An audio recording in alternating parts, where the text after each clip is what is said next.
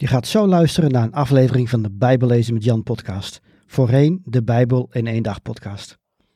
De genoemde links in deze uitzending kunnen verouderd zijn. Kijk op bijbellezenmetjan.nl of in de omschrijving van deze aflevering voor meer informatie over hoe ik mensen en kerken kan helpen met het lezen, begrijpen en geloven van de Bijbel. Welkom bij de Bijbel in één dag podcast. Mijn naam is Jan Heijnen. Ik ben auteur van het boek De Bijbel in één dag. Ik geloof dat de Bijbel Gods woord is en dat we allemaal deel uitmaken van zijn verhaal. De Bijbel is ook een vreemd boek soms. Ik help christenen de Bijbel te lezen, te begrijpen en te geloven. Op de Bijbel in één dag.com kun je het e-book De Bijbel in één dag gratis downloaden. Ook kun je de paperback bestellen of je inschrijven voor een van mijn cursussen of seminars.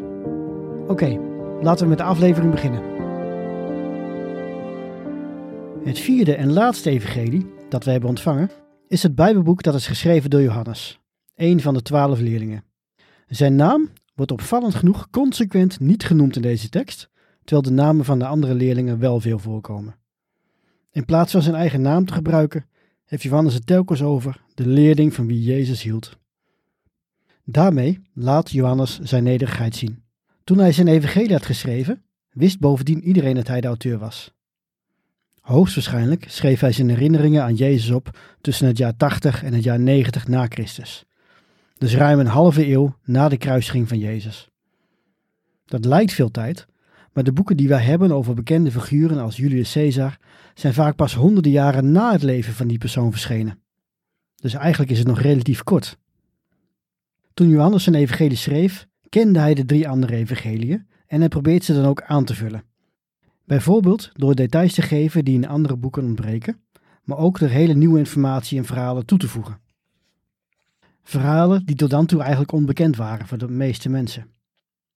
Naast zijn evangelie heeft Johannes trouwens ook nog drie brieven geschreven en het Bijbelboek Openbaring. Die komen later in deze podcast nog voorbij. Maar laten we nu eerst deze prachtige hervertelling over Jezus' leven bespreken. De hervertelling van Johannes. En we doen vandaag het eerste deel. In het begin was het woord. Het woord was bij God en het woord was God. Zo opent Johannes zijn evangelie. 18 versen lang bezingt Johannes de grootheid van God de Vader en God de Zoon, die apart en toch één zijn. Er is een Engelse Bijbelvertaling die de message heet, oftewel de boodschap. Eigenlijk is het geen vertaling, maar meer een eigentijdse interpretatie van de Bijbel. In de bewoording van de message zegt Johannes God moved into the neighborhood. God verhuisde naar onze buurt. Dat is precies wat Johannes probeert duidelijk te maken aan ons. God werd mens en kwam onder ons wonen. Hij was één van ons, maar toch nog steeds God. Hij was het licht dat de duisternis kan wegjagen, maar de meesten hebben niet erkend wie hij echt was. Dat Johannes zo begint is niet vreemd. Helemaal aan het eind van zijn evangelie vertelt Johannes waarom hij dit allemaal heeft opgeschreven, zodat wij Jezus wel zullen herkennen en in hem zullen geloven. Die rode draad zien we het hele Bijbelboek. Zo zit het boek vol met tekenen die Jezus heeft gedaan. Tekenen zijn dan wonderen die duidelijk maken dat hij daadwerkelijk de Zoon van God is. Het eerste wonder in het Bijbelboek is een op het oog verwarrende gebeurtenis. Jezus, zijn vrienden en zijn moeder zijn op een bruiloft in de stad Cana. Tot grote schaamte van de organisator van de bruiloft is de wijn voortijdig op. Jezus' moeder vraagt Jezus er iets aan te doen. Op dat moment toont ze haar geloof in hem als de zoon van God. Het is bijna alsof ze zegt: Het wordt tijd dat je laat zien wie je bent. Maar Jezus antwoordt dat zijn tijd nog niet is gekomen. Hij kan zich nog niet in volle glorie laten zien, want eerst moet hij worden gekruisigd. Toch doet hij hier zijn eerste teken. Hij loopt naar zes gigantisch stenen kruiken, elk gevuld met 80 tot 120 liter water. Dit water was bedoeld voor het zuiveringsritueel van de Joden. Om ze schoon te maken dus, om ze vrij te maken van zonden ook. Hij verandert juist dat water in de beste wijn die de gasten ooit hebben geproefd. Deze gebeurtenis zit uiteraard vol symboliek.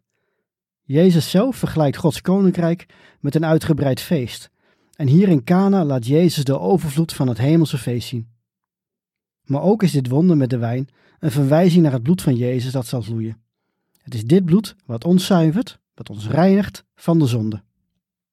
In het Evangelie van Johannes doet Jezus vele tekenen, waaronder de genezing van de zieke zoon van een ambtenaar, de genezing van een verlamde man, het voeden van 5000 mensen, hij loopt over het water, hij geneest een blinde man en hij wekt Lazarus op uit de dood.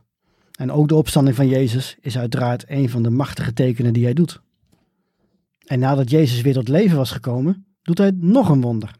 Hij laat zijn discipelen een enorme hoeveelheid vis vangen. Deze verhalen zitten door het hele evangelie van Johannes verweven. Maar voordat Jezus deze wonderen doet, gaat hij naar de tempel, althans in het evangelie van Johannes. Hij bestormt de handelaren en veegt als het ware het tempelplein schoon. De andere evangeliën beschrijven dit dus aan het eind van Jezus' leven en Johannes dus aan het begin van zijn bediening. Kan zijn dat de andere evangeliën het verhaal niet chronologisch hebben verteld of dat Johannes dat niet heeft gedaan, maar het kan ook zijn dat Jezus niet één, maar twee keer zijn woede liet blijken in de tempel en dus twee keer het tempelplein heeft schoongeveegd. Als de godsdienstige leiders vervolgens Jezus bedreigen, antwoordt hij: Breek deze tempel maar af en ik zal hem in drie dagen weer opbouwen. Hij doelt hiermee op zijn eigen lichaam, niet op de stenen tempel.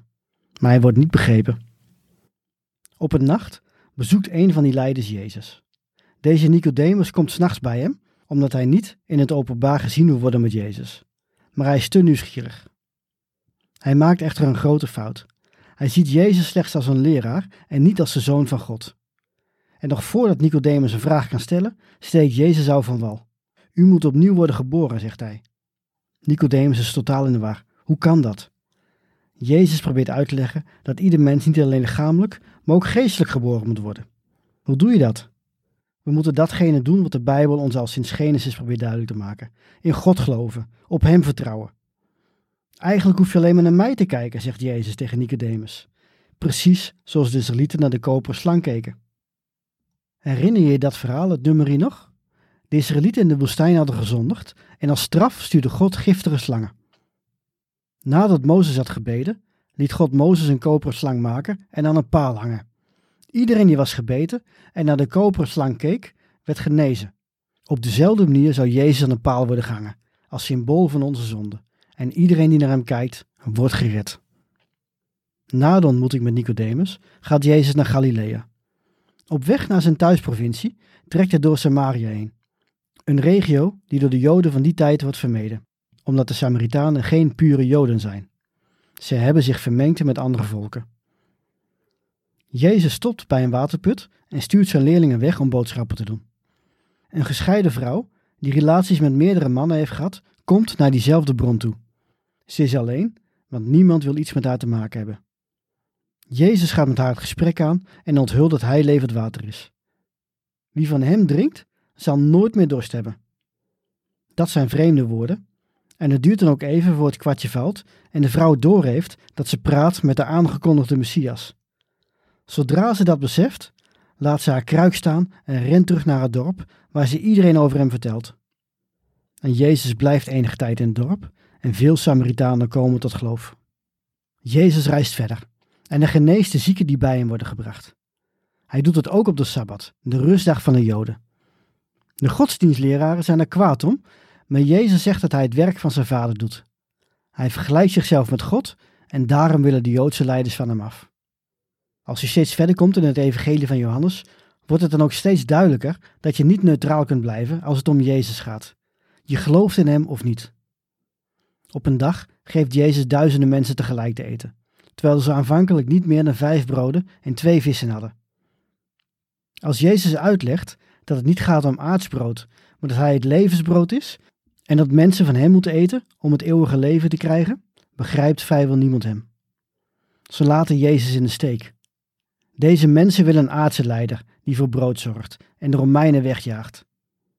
Ze zijn veel minder geïnteresseerd in de Messias die het weer goed wil maken tussen God en mens. Alleen de twaalf leerlingen blijven Jezus, maar, zegt Johannes onafspellend in zijn boek, één van hen blijkt een verrader te zijn. Dan wordt het Loofhuttenfeest gevierd. Een feest dat zeven dagen duurt en waarbij wordt herdacht dat de Israëlieten veertig jaar lang in de Sinaï-woestijn onder de bescherming van God rondtrokken, waarbij ze verbleven in tenten of hutten. In die periode werd ook de tabernakel gebouwd en God woonde onder zijn volk in de tabernakel. Hij gaf hun onder meer te drinken in de woestijn. Jezus gaat juist tijdens dit feest naar de tempel en hij getuigt over zichzelf en waarom hij is gekomen. Hij roept de mensen op van hem te drinken en hij noemt zichzelf het licht van de wereld.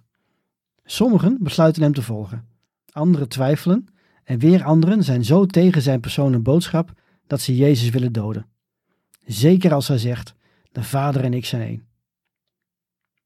Vervolgens trekt Jezus zich terug buiten de stad. En hij hoort op een gegeven moment dat zijn goede vriend Lazarus op sterven ligt. Iedereen weet dat Jezus mensen kan genezen. Toch duurt het nog ruim twee dagen voordat Jezus besluit om zijn vriend op te zoeken. Hij vertrekt pas als hij eigenlijk zeker weet dat Lazarus al dood is. Het wonder dat gaat komen, moest immers gebeuren, omdat hij daarmee kan laten zien dat hij werkelijk macht heeft over de dood. Hij gaat naar Lazarus' graf toe en hij roept hem. Nog altijd gewikkeld in linnen komt Lazarus het rotsgraf uitgelopen. Veel mensen, inclusief sommige godsdienstige leiders, komen tot geloof in hem. De andere leiders zijn bang dat dit op een opstand tegen de Romeinen uitdraait en dat die de tempel zullen vernietigen. Ze besluiten dat hij nu echt moet worden gedood. En de hoge priester spreekt profetische woorden. Besef toch dat het beter is dat één man sterft voor het hele volk, zodat niet het hele volk verloren gaat. Dus juist door Lazarus weer tot leven te laten komen, heeft Jezus ook zijn eigen lot bezegeld. Hij moest sterven.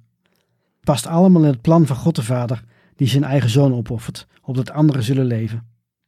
De rest van het Bijbelboek Johannes is eigenlijk gewijd aan de laatste week van Jezus op aarde.